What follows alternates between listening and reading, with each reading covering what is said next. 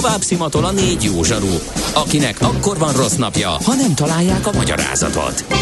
A francia kapcsolat a Wall Streetig vezet. Figyeljük a drótot, hogy lefüleljük a kábelt. Folytatódik a millás reggeli, a 90.9 Jazzy Rádió gazdasági mapetsója. A pénznek nincs szaga.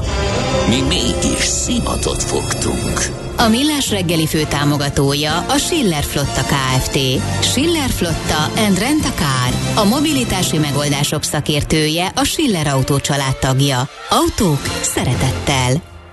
Ez továbbra is a Millás reggel itt a 90.9 Jazzy Rádióban Mihálovics Andrással. És Kántor Endrével jó reggelt kívánunk mindenkinek. 0 30 20 10 9 0 9 ide Igen. érkezhetnek. Hozzászólások. Sajnos van egy baleseti információnk is. Baleset nehezíti a közlekedést a Kerepesi úton befelé a Keresztúri út előtt, úgyhogy vigyázzunk egymásra. Nem tudod, mi az üsző? Még sosem forgatta a látszatolót? Fogalmat sincs, milyen magas a dránka? Mihálovics gazda segít? Mihálovics gazda, a millás reggeli mezőgazdasági és élelmiszeripari magazinja azoknak, akik tudni szeretnék, hogy kerül a tönköly az asztalra. Mert a tehén nem szálmazsák, hogy megtömjük, ugye?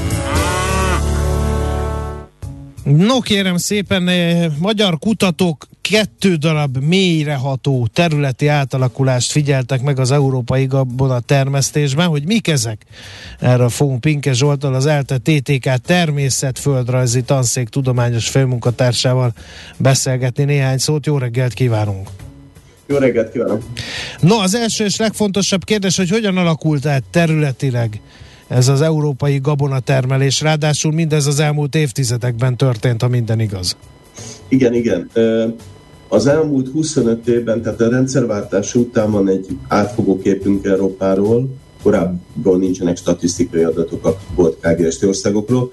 A termőterületek nagyon látványosan délről északra húzottak, gabonatermőterületek, és a termés átlagok a keleti országokban rakéta sebességgel zárod, zárkoznak fel, konvergálnak a nyugati termés átlagokhoz. Uh-huh. Ennek mi lehet az oka? Ezt vizsgálta a tanulmány, vagy csak a tényeket rögzítették? Igen, igen.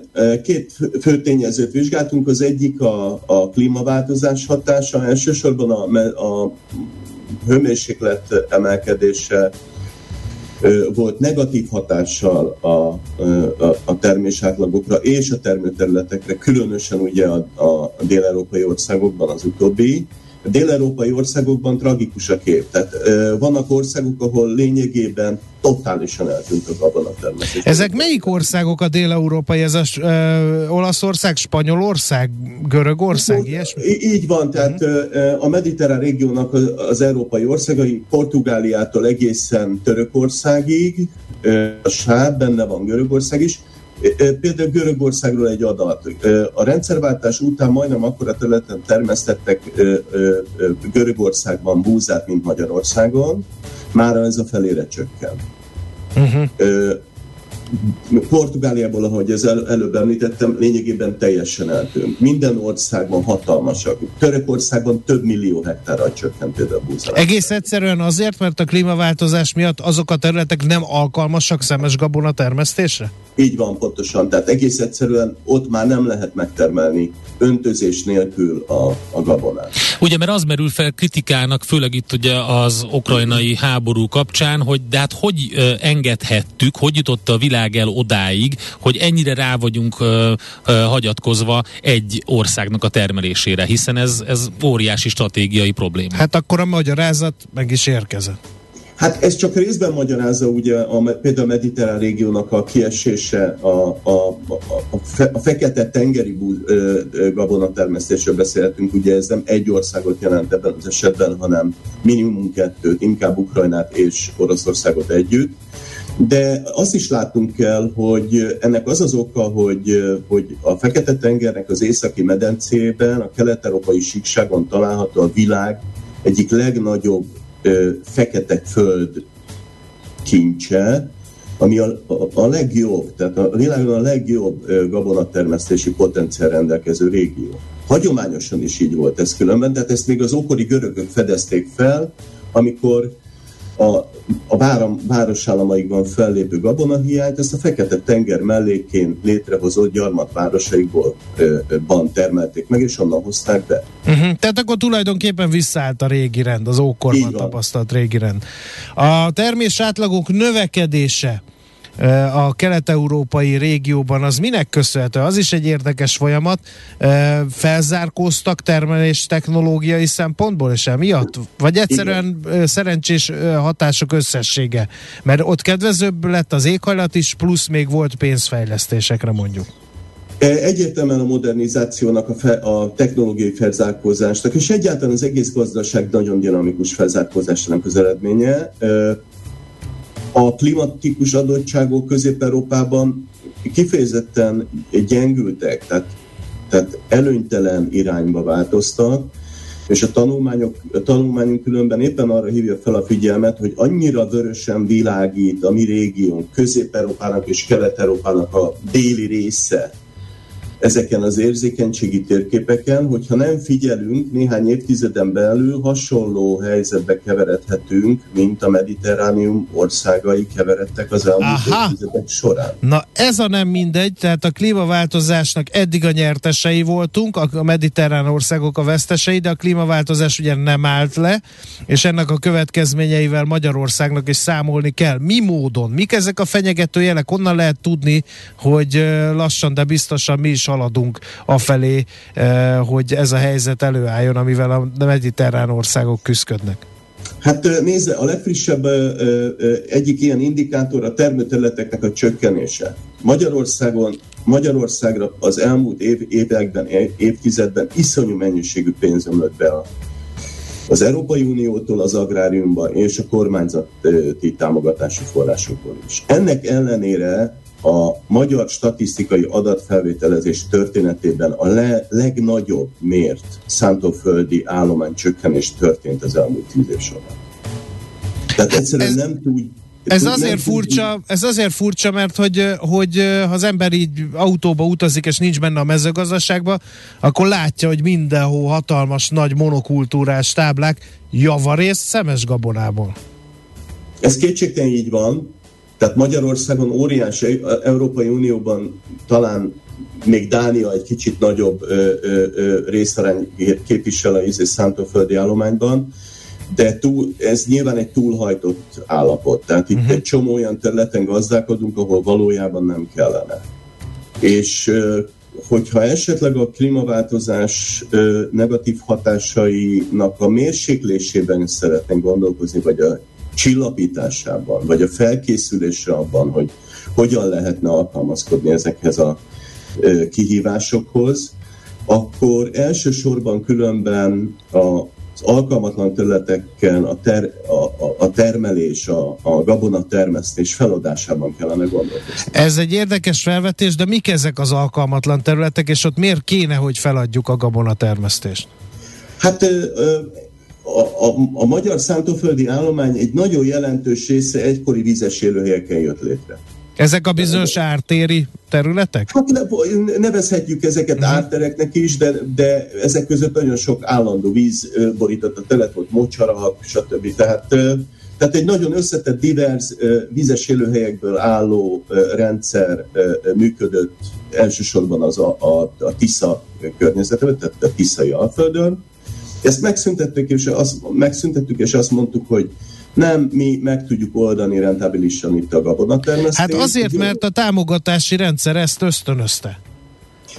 Így van. Vagy ösztönzi helyesebben, igen. Ösztönözte is, és most ma, ma is ezt ösztönzi. Ennek ellenére különben jól látható, hogy ezeken a területeken valójában a termesztés ez csak állami és uniós szubvencióból fenntartható. Amit látunk el viszont, hogy ezek a területek kulcsai lehetnek az Alföld ö, megborult talajnedvesség, talajvíz háztartás helyreállításával.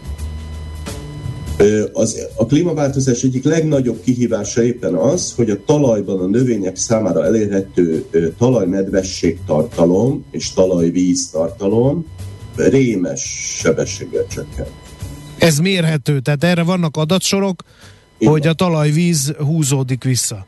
Így van, uh-huh. és hát ugye a talaj nedvesség az, ami a közvetlen a gyökérzónában a növények számára elérhető vízkapacitást jelent, és ez, ez a vízkapacitás, ezt, ezt, ezt, ezt helyre kell állítanunk, különben egész egyszer a növénykéink nem tudnak életben maradni a nyári nagy haszonhideg. Uh-huh. És ennek a helyreállításában az egyik kulcs lehet az, hogy ezeket az egykor mélyen fekvő, különben gazdasági szempontból szinte értéktelen, vagy alacsony term- termelési kapacitású területeket arra használjuk, hogy ezeken vizet tároljunk, és a vizet beszivárogtassuk a talajba, és táji szinten állítsuk helyre a megborult egyensúlyt.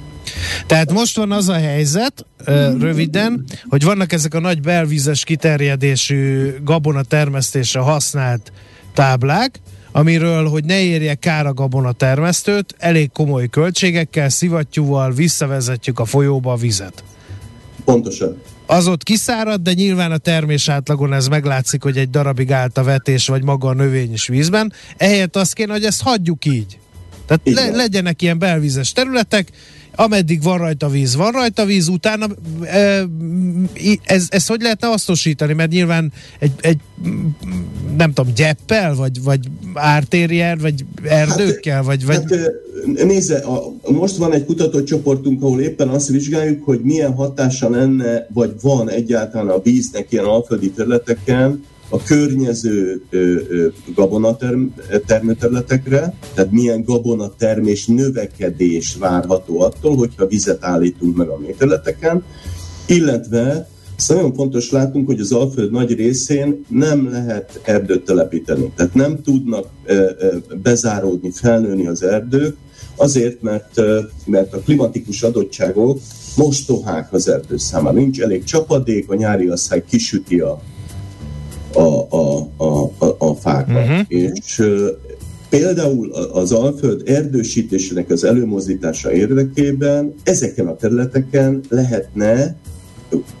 megindítani egy fásítást, úgyhogy a erdőknek a lábacskái tavasszal, kora nyáron, pont ilyenkor, amikor például Medák környékén ilyen sok csapadék van, ott átsorogjon a vízben, és ezzel csillapítsa, ezzel mérsékelje ezt a nagyon kemény asszály kitettségét az Alföldben. Uh-huh. ez egy másik kérdés, és bizt, talán nem is az ön asztala, de ehhez is valamiféle állami szerepvállalás kéne, nem? Hiszen ahogy említettük, most egy gazda gabonát vet, és várja az államtól, hogy ezt oldja meg ezt a belvizes helyzetet. Tehát valahogy érdekelték kell tenni a föld tulajdonosát, használóját abba, hogy ebbe belemenjen, hogy ne kukoricát vessen, hanem hagyja, hogy gyepesedni, telepítsen erdőt, és nyilván akkor nem fog akkora bevételt ezzel elérni, amit meg ugye kompenzálni kell valahogy, hiszen biztos sokan gazdálkodnak olyan területen, akik erre tették fel az életüket, ebből etetik a családjukat.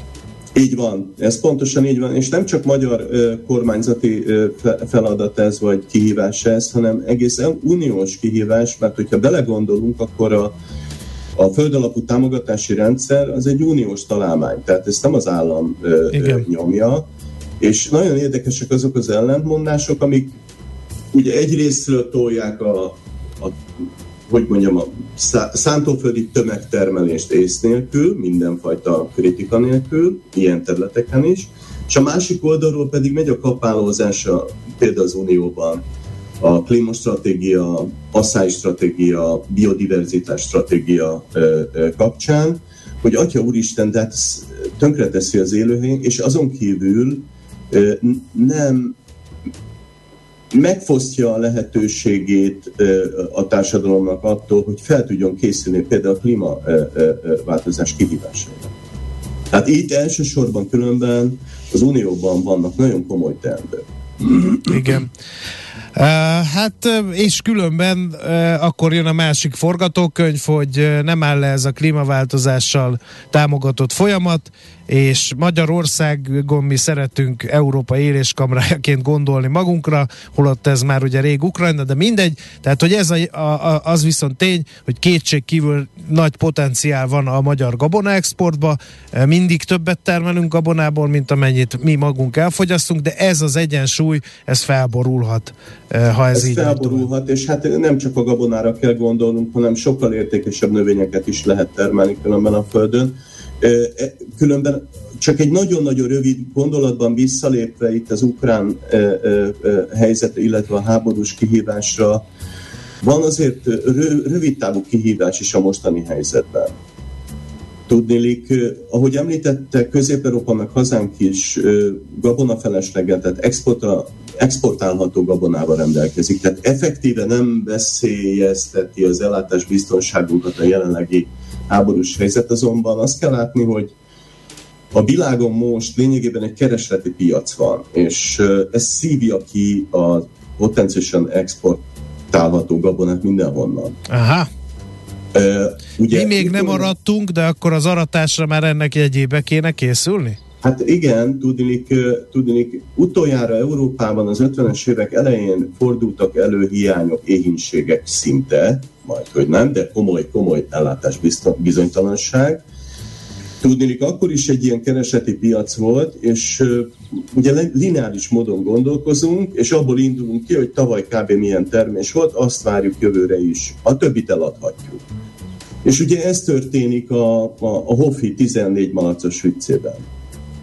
Tehát ha most eladjuk azt a gabonát, amit különben bátran eladhatunk egy normális, átlagos termés mellett, és arra számítunk, hogy jövőre is körülbelül ekkorát aratunk, akkor nehogy, nehogy esetleg egy olyan probléma merüljön fel, hogy jövőre mondjuk egy, mondjuk egy nagyon kemény asszályos év jön be, ami lefelezi mondjuk Közép-Európában a terméseket, termésátlagokat, és akkor hirtelen és hogyha a háborús helyzet továbbra is fennáll, és ez az áldatlan állapot továbbra, mondjuk egy ogyesszát meg, meg, megostromolnak, meg, megostromolják az oroszok, és a fekete-tengeri szállítások ugyanígy ö, ö, ö, stagnálnak, akkor nagyon-nagyon könnyen komoly hiányok alakulhatnak ki, amiket egész egyszerűen nem biztos, hogy bárhonnan pótolni lehet maguk. Jó, akkor itt tegyünk ki három pontot. Nagyon világos és egyértelmű az üzenet. Nagyon szépen köszönjük ezt a képet. Egy kicsit ilyen agrárstratégiai kitekintés volt, ez nem annyira a gyakorlati részét vettük most a mezőgazdaságnak gorcsa alá. Köszönjük szépen! Én is köszönöm szépen, viszont hallásra. Minden jót, viszont hallásra. Pinke Zsoltal, az ELTE TTK természetföldrajzi tanszékének tudományos főmunkatársával beszélgettünk arról, hogy Európa gabona termelési súlypontja elterelődött Kelet-Európába, de itt is leselkednek rá bizonyos veszélyek a klímaváltozás okán.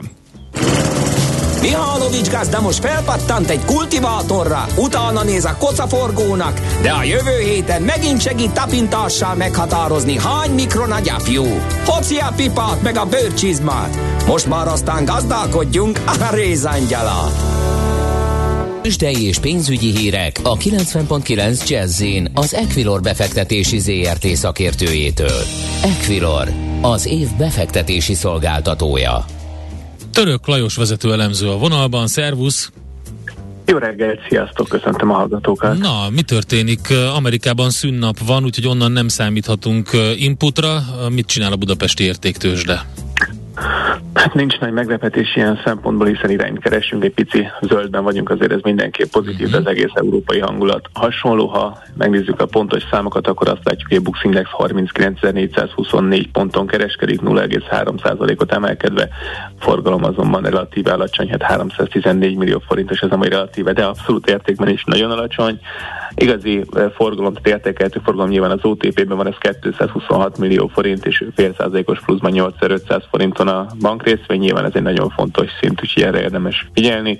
A MOL pici mínuszban 2886 forinton, a Richter emelkedik 6860 forintra, és a Telekom is végre pluszban van 342 forinton kereskedik a részvény, de hát most nyilván mondom, hogy 1 millió forint körül a forgalom mm. például a Magyar Telekomban. Ez hát ez semmi, az semmi, igen. Jó, hát akkor nyilván az iránykeresésben majd Európa az, ami talán mutatja nekünk, hogy merre. Um, ott mi, mi, mit látsz? Hasonló trendek, tehát 0,3%-os pluszban a DAX és a Eurostox 50 is. Nyilván Amerikában ugye nincs kereskedés, ezért futures nyitva vannak, és ott azért nagyobb erőt mutat mondjuk a Nasdaq 100, de a Dow Jones és az S&P is ilyen fél százalék alatti pluszban van. Úgyhogy igazából olyan igazán nagy átütő erő sehol nincsen, meg egy igazi izgalom talán nincsen. Hát a forint? Is, a forint, hát még ott se egyébként most nagyon fontos. Volt egy kis 400 fölötti ma, azért utána, hát erős, hajnal, utána beerősödött. Igen, igen, igen, igen, hát beerősödött azért óriási erőről, sajnos nem beszéltünk. Jó. Mondjuk, mondjuk nem néztünk 398-50-re, de hát most 399-50-en kereskedik az euróforint. Uh-huh. Úgyhogy ez a 400 forint alatt tartás, ez úgy tűnik, hogy talán maradhat, de hát nyilván ez, ez nagyon nagy kérdés, hogy eleshet ez a szint, és ha elesik, akkor, akkor mi fog történni? Én nagyon pessimista vagyok, hogyha itt elesne a 400 forintos szint, akkor, akkor félek, hogy gyorsulhatna az esés. A dollárért egyébként 379 forintot és 66 félért kell adni, és az euró-dollár kereszt az 1.0522 most. Oké, okay. Lajos, köszönjük szépen az infókat, jó kereskedés nektek! Köszönöm, sziasztok! Török Lajossal, vezető elemzővel beszélgettünk. Tőzsdei és pénzügyi híreket hallottak a 90.9 jazz az Equilor befektetési ZRT szakértőjétől. Equilor, az év befektetési szolgáltatója. Volt már olyan érzésed, hogy megtaláltad a választ? Aha, aha, aha. Heuréka élmény, jövőkutatás a millás reggeliben, csak jövő időben beszélünk. Na hát mesterséges intelligenciáról és gépi ö, öntudatról beszéltünk már egy párszor. Most van ennek egy apropója, ö, ugyanis volt ez a balhé, amit a Washington Post robbantott a Google egyik fejlesztője kapcsán, aki ugye azt állította, hogy a Google Lambda nevet viselő mesterséges intelligenciája saját érzelmekkel és önálló gondolatokkal rendelkezik. Ezt a cég ö, és több más kutató cáfolta, de nyilván elindított egy, egy meg, elindította megint ezt a, a témát a köz... Hogy létezhet-e az? Számára, hogy, hogy létezhet-e, hogy, hogy, hogy gépi tudat létezhet-e, öntudatra ébredhet-e a számítógép. Erről beszélgetünk Szabados Leventével, aki AI adattudós, mesterséges intelligencia szakember, a Frankfurt School of Finance and Management docense, szenyor tanácsadó több cégnél, és egyébként buddhista teológus is, ami nagyon érdekes párosítás. Jó reggelt kívánunk, szervusz! Jó reggelt, jó reggelt, szervusztok! Na, hát lehet, hogy egy páran meglepődtek Most ezzel. bedobjuk a kérdést, hogy mi a tudat? hogy, mert ugye akkor azt kéne tisztázni, kezdjük a, a legkönnyebben, hogy mi a tudat, mert ugye arra, hogy, rá, hogy ezt megtudjuk, hogy mi cselekszik, vagy ki vagy mit cselekszik tudatosan, azt tudni kell, hogy mi a tudat. Abszolút kitűnő kérdés. No, hát egyébként az ilyen jellegű híreknél azt szoktam mindenkinek mondani, hogy az egyik szemünk sír, a másik meg üveg. Vagyis, hogy, hogy azért nagyon jók ezek a hírek, mert hogy felhozzák pont ezeket a kérdések, hogy vajon akkor gondolkodtunk-e már ma azon, hogy milyen definíciót tudnánk adni a tudatnak. Másik oldalon persze olyan kontextusban hozzák föl, hogy jó, jó, jó úristen, világ vége, és itt már minden Jönnek a gépek, igen. Te, és van, akkor jönnek ugye a terminátoros fotók, és az így, szépen, így, igen, így, hát ez mondjuk egy kicsit Így, így, hát Arnold már a sarkon van. Na, de hát ugye az érdekes kérdés, hogy visszatérjek erre, mi a tudatra, hát ha mi azt tudnánk, vagyis hogy hogy több szempontból, és most nem csak itt a filozófiai vizsgálódás szempontjából nehéz kérdés ez, hanem a tudományos vizsgálódás szempontjából még inkább, tehát azért egy, egy, egy jó definícióját még ilyen valamivel szűkebb fogalmaknak, hogy intelligencia is marha nehéz adni. Szokak szerint az intelligencia az, amit az intelligencia teszt mér. De hát, hogy mit mér? Hát azt, amit mér. Igen. Ugye ez egy, ez egy jó kérdés. Itt, ami talán emberközelibb ebben az esetben, hogy nagyon nehéz egy olyan helyzet, ben, ahol egy másik partnerrel áll szemben, meggyőződni arról, hogy van tudata. Tehát ez a bizonyos theory of mind, hogy neked van egy feltételezésed, hogyha te valakivel interaktálsz, és ez nagyon gyanúsan ö, találó módon, és a te interakcióidhoz hasonló módon reagál, akkor ott valami nagyon hasonló élmény lehet mögötte, mint a tiéd, amit jobb hiány tudatnak nevezel. Mennyire, igen, és itt felmerül a kérdés, ugye, hogy mennyire vetítjük bele ebbe az egészbe a saját um, hitünket, hogy azt hisszük, hogy van tudata, hiszen ugye um, az ember hajlamos arra, hogyha végignézzük az irodalmat, történelmet, hogy, hogy hát sok mindenbe bele hát, hogy emberi szemszögből a, nézzük. A, Most igen. akkor ennyi erővel egy delfinnek, ami okos állat, és nagyon sok mindent meg tud tanulni, annak nincs tudata. Vagy van, ugye? Vagy van. Hát ugye ez, ez egy nagyszerű kérdés, és azt gondolom, hogy ennél durvább a helyzet, mert hogy egymáséiról se tudunk meggyőződni. Tehát ha Aha. most nagyon filozofikusak akarnánk lenni, akkor én a ti viselkedéseteket hallom most éppen egy, egy médiumon keresztül, és azzal a nagyon hetes, erős fel, előfeltevéssel élek, hogy ti nem valami chatbotok vagytok, vagy nem valami, hogy mondjam, előre megírt szöveg, ami felolvasódik valami által, hanem ti interaktív olyanok vagytok, mint én, de hozzáférésem közvetlenül egyedül csak a saját olyan tapasztalatomhoz van, kicsit ilyen Descartes értelemben, hogy hát én, én, én magamnak úgy látom, mintha tudat lennék, a többiek meg hát úgy, úgy hasonlítanak rám, és akkor tegyük már fel, hogy ők is azok. Uh-huh. Azért ö, hangsúlyozom nagyon ezt a, a jelenlegi kontextusban, mert pontosan ez történt ö, ennél a lambda architektúránál. Ez a lambda modell, ez egy úgynevezett nyelvmodell, vagy nagyméretű nyelvmodell. Tulajdonképpen a ha nagyon cinikus akarnék lenni, akkor bevik, beviflázta eléggé nagy mennyiségben a, a, a világban elérhető szövegek nagy részét. Ugye a világ egyik legmeggyőzőbb és kifejezetten frappáns közhelygenerátora legyen. Vagyis, hogy... Oké, okay. akkor, akkor átmenne a, a, a, a szárnyas fejvadásznak a Turing tesztjén? Ö, alapvetően ez történt egy, hogy mondjam, mellékhatásként én ezt így interpretálnám, hogy a legjobb indulata mellett kedvenc kutatónk egyszerűen hát kitette magát egy Turing tesznek, és magát, hogy is mondjam, győzte meg arról, Ja, értem. hogy itt Mhm. amivel beszél, az, az pont egy ilyen theory of mind értelmében valamiféle ágens. Teszem hozzá, hogy egyébként ez egy, ez egy nagyon érdekes kérdés, hogy ugye mikor tekintünk valakit szakembernek, a szakemberként hangzik, tehát hogy tulajdonképpen itt ez történt, Uh-huh. hogy olyan módon alákérdeződött egy, egy tényleg közhelygenerátornak valami, amire a közhelygenerátor csodálatosan frappánsan az eddigi technológiát messze meghaladó módon frappánsan tette oda azokat az odavágó közhelyeket, amik válaszok arra a kérdésre. Akkor még egy egy szeletet behozok ide. Egyáltalán kell tudata mesterséges intelligenciának? Vagy csak végezze a feladatát öntudatlanul? Nem, Mondjuk, ahogy nem, egy kutyát is be tudunk kell. idomítani, hogy hozza be a reggeli újságot, ő azt emberi szemben néve, nézve nem tudattalanul, hanem a jutifaliért csinálja. Sőt, sőt, hát hogy mondjam, hadd mondjak egy jó és egy rossz hírt, a jó hír az, hogy nem kell, vagyis, hogy rengeteg olyan, a dominánsa jelenleg, amit mondjuk gépi tanulással el tudunk érni eredményeket, azok kifejezetten ilyen kicsit ilyen inger válasz jellegű helyzeteket képzeljetek el, hogy ha ez akkor azt tanuld meg sok tapasztalatból című, ö, hát ilyen kondicionálás, ahogy mondod is, hoz be az újságot, kapsz jutifalatot. Na most a, a, a jó, ez a jó hír, hogy nem kell. A rossz hír, hogy azért igazság szerint a hétköznapjainkban nekünk se.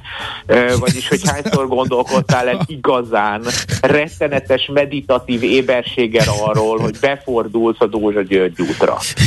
Tedd a szívedre a kezed, ez nem biztos, hogy így történt. Igen, van amikor, van, amikor autópilótán vagyunk, vagy de mondjuk azt, hogy le- legalább 80 százalékban. Igen. Hát igen, a Kahnemant komolyan veszük, ugye a kedves pszichológust, aki kapott egy közgazdasági Nobel-díjat a kilátás elméletért, azért az ő elképzelése arról, hogy van egy gyors meg egy lassú gondolkodás, vagyis egy olyan gondolkodás a lassú, ami értünk, tudunk, reflektálunk, levezetünk, meg van egy gyors, amikor egyszerűen csak gondolunk dolgokat és csináljuk, na ebből a gyors a dominás. Uh-huh. E, az lehetséges-e, hogy megint mély filozófiai e, irányba vigyem el a beszélgetést, hogy már van tudata a mesterséges intelligenciának, csak mivel mi emberi szemmel nézzük, ezért nem tudunk róla, hogy van tudata. Szerintem ez az éles distinkció, hogy van meg nincs, ez egyszerűen nem biztos, hogy a jó, jó felvetés. Aha.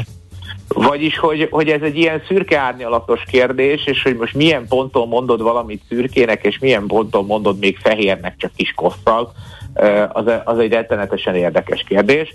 Én azt hiszem, hogy, hogy az a fajta gondolkodás, amit mi szeretünk dihotó módon beállítani arról, hogy van tudata versus nincs tudata, az ránk se igaz. Uh-huh. Vagyis, hogy nekünk is hol van tudatunk, hol meg nincs. Vagyis, hogy hol mondjuk így, hogy valamivel éberebb és reflektáltabb elemek hangsúlyosak a tudatfolyamunkban, hát néha meg kevésbé éber és reflektált elemek hangsúlyosak. Hogy ezt az egészet tekintjük-e tudatnak, valószínűleg ez egy nem most hipotézis, Na, ha ezt tekintjük tudatnak, ami alatt persze már nem az éles öntudatot éljük meg, akkor persze hát mindenféle, hogy mondjam, információk alapján mindenféle döntések történnek, de ezek alapján egy homokóra is méri az időt, ami persze méri az időt, de hát mi interpretálunk időmérésként egy fizikai folyamatot. Igen, az idő, az idő mint, mint, mint konstrukt, mint, mint, mint emberek által létrehozott valamiben mindannyian hiszünk. Hmm, valamiféle praktikus hasznunk van ebből, tehát én nem lennék ezzel, hogy mondjam, cinikus, hogy úristen, itt képzelgésekben hiszünk. Hát, ha nem képzelegnénk, akkor mondjuk nem társalógnánk egymással, nem feltételeznénk, hogy van ott hallgatóság. Uh, mennyire uh, hogy mondjam, mennyire lesz hasznosabb a mesterséges intelligencia, ha ez a kifejezés ide jó, hogyha valamiféle tudatra utaló jelekkel rendelkezik, hiszen azt szokták mondani, hogy az ember azért nem fogadja el a robotokat fejlődésük jelenlegi állapotában, mert nem mutatnak emberi jeleket. Tehát egyértelműen gépekről van szó, első ránézésre megállapítható, és ezért idegenkedünk tőlük. Ugyanez lett a mesterséges intelligenciával. Ha emberszerűbbé válik, tudatos cselekvés és jeleit mutatja, akkor talán jobban elfogadjuk, jobban használjuk. Ez lehet hát az érdekük a fejlesztőknek mondjuk. Ennek van egy optimuma, azért van ez az uncanny valley jelenség, amikor ha valami viszont túlzottan emberszerű, a mesterséges, de túlzottan emberszerű, attól úgy megborzadunk és beleborzongunk, tehát azt megint csak nem fogadjuk el. Tehát hogy van, van szerintem ennek egy optimuma. Általában ilyen kommunikatív helyzetekben, chatbotoknál ezt, ezt érdemes úgy beállítani, a gyakorlat ezt mutatja, hogy, hogy ezért vallja be őszintén az a kommunikáló ágens, hogy ő egy gép, mert akkor megengedőbbek vele az emberek. Ha ő azt állítja magára, hogy egy ember, akkor egy idő után ilyen nagyon furcsa, úristen, ez meghűlt, ez az ügyfélszolgálatos című helyzetbe sodródunk. Röviden azt mondanám, hogy nem hiszem, hogy az öntudati jelei, amit mi öntudati jeleidként interpretálunk, az segít bármit is a mesterséges intelligencia per gépi tanulási eszközök működésében. Kifejezetten azért nem, mert, mert a leghasznosabb területek, amiket látunk tényleg gyakorlatban, azok azok a dolgok, amiket az emberek néhány másodpercnyi kognitív ráfordítással döntenek el hova osztályozd ezt a levelet, kinek címezd, honnan jön hova, ez az alkatrész éppen hibás-e vagy nem, mi az optimális eloszlása ezeknek a tárgyaknak, stb. stb. Ilyen dolgokat általában mi is kvázi csípőből végzünk, és nem biztos, hogy arra asszociálunk, hogy, hogy ahhoz nem tudom, egyetemi végzettség kell, Na, az ilyen területekből rengeteg van, és ezek a leghasznosabbak gépi tanulási szempontból. Az elején elmondtuk, hogy nem csak ezzel foglalkozol, mesterséges intelligenciával, adattudós vagy, hanem buddhista teológus is. Ez lehet, hogy egy pár, pár embernek elég meglepő. Hogy jön össze ez a kettő? Hol ér össze? Hát pont úgy, ahogy most beszélgetünk, vagyis, hogy van egy ilyen stúdium tárgya, hogy éppen az ember így néz ki a fejéből, és hát úgy véli és úgy tapasztalja magáról, hogy valami gondolkozási folyamatot észlel. Na most hát nyilván ezt lehet úgy is nézni, hogy oké, okay, de akkor ezt a gondolkodási folyamatot hogy tudjuk megismerni, uh-huh. mint modellezés, vagyis hogy hát ez olyan, mint a játékvonat. A játékvonat se fogja megragadni a vonat összes tulajdonságát, de azért néhány dolgot elég jó megragad, és lehet tanulni vonatirányításról játékvonattal. Na ilyenkor van rajtam a sapka, ami a gépi tanuló szakember. Ha meg úgy gondolnám, hogy hát azért ez a vonat élmény, ez mégiscsak más, hogyha nem egy játékvonaton csináljuk, hanem megnézzük belülről, az meg, az meg inkább a buddhista sapkám, vagyis hogy az a fajta introspektív hagyomány, az a fajta módszeres, kitartó, belülről nézünk rá a saját tapasztalásunkra hagyomány, szerintem kifejezetten jól ötvözhető, úgyhogy én és sokszor, sokszor érezted, hogy, hogy ez segít neked abban, hogy egy kicsit máshogy uh, vizsgáld azokat a folyamatokat, amit egyébként a, a, a, a technológiában, mesterséges intelligencia, informatikával foglalkozó szakemberek néznek? Ö, amiben nagyon segít, az, az szerintem két terület minimum. Az egyik terület az az, hogy, hogy, hogy segít a saját tapasztalás felbontása, valami fajta analitikus hozzáállás ehhez, és egy kicsit ellazítása ennek a, a biztos tudás és az egy darab homogén monolit valaki vagyok, én nagyon uh-huh. tudok mindent, nagyon látom, hogy mi folyik. Ennek egy kicsit az ellazítása, annak vannak gyakorlati következményei. Vagyis, hogy az ember legalábbis meg tudja érezni, hogy itt vannak valami határai, amiket most én tudni vélek, de nem biztos, hogy tudok. E, ebből aztán más döntéseket fog hozni, más döntésekkel fog kifejezetten praktikusan közelíteni egy problémához. Ez, ez az egyik lehetőség. A másik lehetőség meg, hogy, hogy azt a, a és, és itt hadd kanyarodjak vissza egy kicsit a lambda témájára is. Ugye volt egy ilyen imaszk, hogy mondjam, kör ebben a beszélgetésben, amit, a, amit közzé is tette a kutató, hogy, hogy éppen ott beszélget és foszlányok a, a chatbottal, amikor, a, amikor Switching Mester egy, egy Zen Kohan a, vagy egy ilyen zen kérdés-válasznak a, a, az elemét adta oda értelmezésre ennek a chatbotnak. És ugye az érdekes az volt, hogy, hogy nagyon plauzibilis, nagyon racionális, nagyon reális válaszokat adott rá a, a lambda architektúra, nagyon, nagyon szépen beszélt úgy, mintha egy ember naívan elkezdené ezt értelmezni.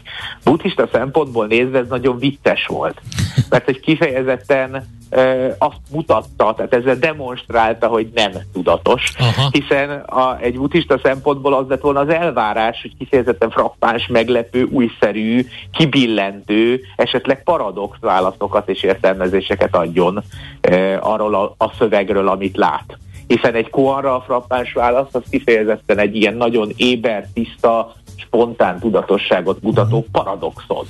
Na hát ez nem történt meg. Értem, nagyon érdekes. Ez egy Azért érdekes beszélgetés, mert fel tudom tenni végre azt a kérdést, amit technikai emberek nem szoktak tudni megválaszolni, mégpedig azt, hogy a mesterséges intelligencia fejlesztésben a szellem emberei hozzád hasonlóan ott vannak, vagy te egy ilyen üdítő kivétel vagy? Ez azért fontos, mert hogy a technikai ember az meg akar oldani egy problémát, minél okosabb, minél gyorsabb legyen, és bizonyos erkölcsi, morális, érzelmi kérdés kérdéseket vagy nem tud teljes körülön áttekinteni, vagy nem is alkalmas ezeknek a, az áttekintésére, és ezért gondolhatnunk, hogy egy ember közeli, az embernek az életét alapvetően elformáló technológiáról van szó, hogy akkor talán van benne olyan is, aki, aki, aki az ember vonalat képviseli. Igen. Igen, abszolút a válaszom egyértelmű, igen, a hála égnek igen, és a most már igen formájában vagyis hogy, hogy azért egészen addig még alkalmazott területen nem futottunk bele abba, hogy megfelelő mennyiségben legyenek éles, az emberek életét befolyásoló helyzetekben telepítve gépi tanulási szoftverek, diagnóz, mondjuk, mondjuk rákdiagnózis területen, vagy, vagy bűnelkövetés ismétlődésének bejóslásában, ami ugye egy elég komoly életét, ember életét befolyásoló döntés. Amíg ez nem volt jellemző, addig lehet ezt, ezt technikai kérdésként felfogni. Azon a ponton, amikor az emberek életét de facto, mint egy folyamat elkezdte befolyásolni, hogy milyen döntések vannak az ő életükről hozva egy gépi tanuló rendszerre, rögtön megjelent az igény arra, hogy hát várjunk csak etikai vonzatok, és ez egyébként megmozgatta a piacot annyira, hogy be is ráncsanak kifejezetten humán hátterű embereket ennek az etikai kérdésnek a megvizsgálásába. Ennek egyik mellékhatását látjuk most az apropóban is, hiszen ha jól emlékszem és jól tudom, az ethical bias, tehát az ilyen etikai vagy, vagy valamilyen, valamilyen értelemben e, e, előítéletességet kellett volna találni ennek a jó embernek, aki igen, helyett ön, Igen, azt talál. vizsgálta, így van, azt vizsgálta, hogy mennyire e, lett elrontva, ugyanúgy, mint egy másik chatbot korábban, ugye, aki, aki, aki teljesen elrontottak a, az internetező trollok, és, és alapvetően valami ilyesmit keresett. Lente, ez nagyon klassz volt, és az a helyzet, hogy lejárt az időnk, ez akkor szokott előfordulni, amikor egy érdekes téma van, de szerintem folytassuk majd, mert szívesen beszélgetnénk erről többet. Nagyon szépen köszönjük, hogy köszönjük. rendelkezésre Én köszönöm. Okay. Sziasztok, Szervusz. Szabados Leventével beszélgettünk, AI adattudós, buddhista teológus, uh, mesterséges intelligencia szakember, a Frankfurt School of Finance and Management docense volt beszélgető partnerünk. Keuréka élmény, a millás reggeli jövőben játszódó magazinja. Mindent megtudtok. Majd. Lejárt az időnk sajnos. Itt van viszont Czoller Andi a legfrissebb hírekkel, információkkal. Ő jön a hírekkel. András? Én nem az akarom, csak jogán. GDP termelésre tudom bu- buzdítani a hallgatóságot mert nyári szünet hajlamosít arra, hogy ma kicsit később megyek be, ma kicsit kevesebbet dolgozok, Több ma kicsit eszem. korábban megyek el, ma kicsit ráteszek az ebédszünetre. vagyok. Na ezt ne! 36 fokban megértő Na ezt vagyok. ne. Emberek, kitűztünk egy nemzetgazdasági célt, melynek lényege, hogy utolérjük Ausztriát. Nem lehet csak páros napokon és rossz időben. Mert az osztrákok azok minden nap mennek Azok előre. mennek az előre mindig. Tehát Ugye? azokat csak akkor érjük utol, ha nagyon sokat Rodi, lapátolunk. Ausztirol és a Vili, úgyhogy ők futnak rendesen. Igen. Van üzemanyag. Úgyhogy ne hagyjuk, hogy eltérítsen. Még. Szilárd célunktól bármi is minket, úgyhogy dolg, aki nincs szabadságon, dolgozni, dolgozni, dolgozni. Holnap reggel találkozunk 6.30-kor, és számon fogom kérni. Köszönjük. Már a véget ért ugyan a műszak, a szolgálat azonban mindig tart, mert minden lében négy kanál. Holnap reggel újra megtöltjük a kávés bögréket, beleharapunk a fánkba és kinyitjuk az aktákat.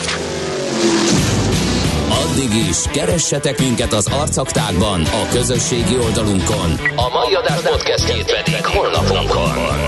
Millás reggeli, a 90.9 Jazzy Rádió gazdasági Muppet show-ja. Ha csak egy műsorra van időd idén, tégy róla, hogy ez legyen az. Csak egy dolog lenne még. A Millás reggeli fő támogatója a Schiller Flotta KFT.